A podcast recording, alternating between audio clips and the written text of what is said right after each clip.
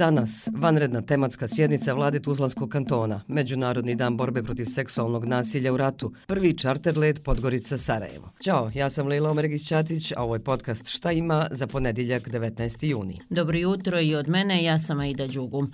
Evo, rekla si ono najvažnije, a sad o tome ćemo detaljnije. One, two, three, four. Danas će dakle vlada Tuzlanskog kantona vanredno zasjedati, a tema je nedavna pucnja u školi u Lukavcu kod Tuzle. Tri resorna ministarstva, obrazovanja, policije i socijalne politike zadužena su da do danas pripreme informaciju koja će sadržavati najvažnije detalje u vezi događaja koji je potresao Bosnu i Hercegovinu. Sredinom prošle sedmice učenik koji krajem juna puni 14 godina osumnjičen je da iz pištolja teško ranio nastavnika engleskog jezika u osnovnoj školi u Lukavcu. Maloljetnik je ispalio više hitaca prema nastavniku i jednim ga je ustrijelio u vrat. Ovaj učenik je krajem prošle godine prebačen u drugu školu u tom gradu kao rezultat disciplinske mjere. S obzirom na to da je osumnjičeni dijete, iz tužilaštva su ranije rekli da neće biti krivično gonjen, a njegov otac je zadržan u pritvoru mjesec dana. Vlada Tuzlanskog kantona napravit će plan kako da osigura veći stepen zaštite učenika, nastavnika i drugih uposlenika u obrazovanju. Međunarodni je dan borbe protiv seksualnog nasilja u sukobu.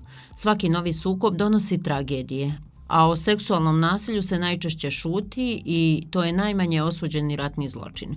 U UN-u tvrde da 10 do 20 slučajeva ostane nedokumentovano. Tokom rata u Bosni i Hercegovini na desetine hiljada žena bilo je silovano. Od 127 presuda za ratne zločine pred Haškim tribunalom, 75 optuženih je osuđeno i za silovanje i seksualno zlostavljanje.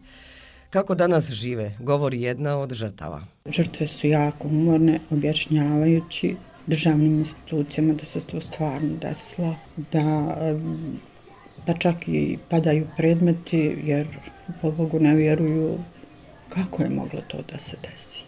Meni je jednom jedan tužioc rekao, mene je stid što sam muškarac.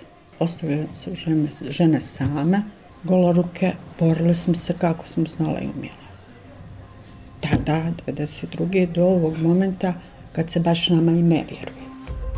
Ovo je samo dio svjedočenja jedne od tri žene koje su preživjele ratno silovanje, a tekst u cijelosti možete pročitati danas na našem sajtu slobodnaevropa.org.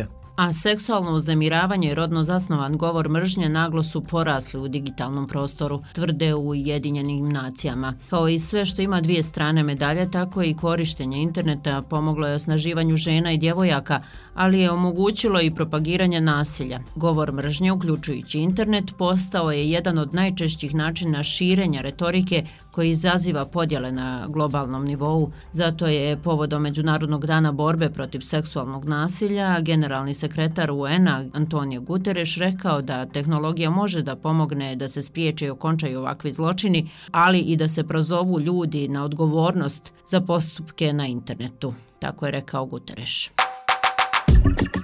Od vijesti još izdvajamo i da, delegacija parlamenta Bosne i Hercegovine od danas do 23. juna učestvuje na zasjedanju Vijeća Evrope u Strasburu. Između ostalo govorit će o zaštiti ljudskih prava, demokratiji i vladavini prava, kao i integraciji migranata i izbjeglica, te o pravu na zdravstvenu i socijalnu zaštitu radnika bez papira. A u istočno Sarajevo dolazi 18 predstavnika japanskih kompanija iz različitih oblasti i s njima će se sastati gradonačelnik Ljubiša Ćosić. A, evo posebne radosti za tebe, Aida. Od danas do 18. septembra leti aviončić, čik pogodi. Šta mi treba, šta mi godi? Air Montenegro. Air Montenegro otvara direktnu čarter liniju između Podgorice i Sarajeva, letovi jednom nedjeljno. Šta veliš?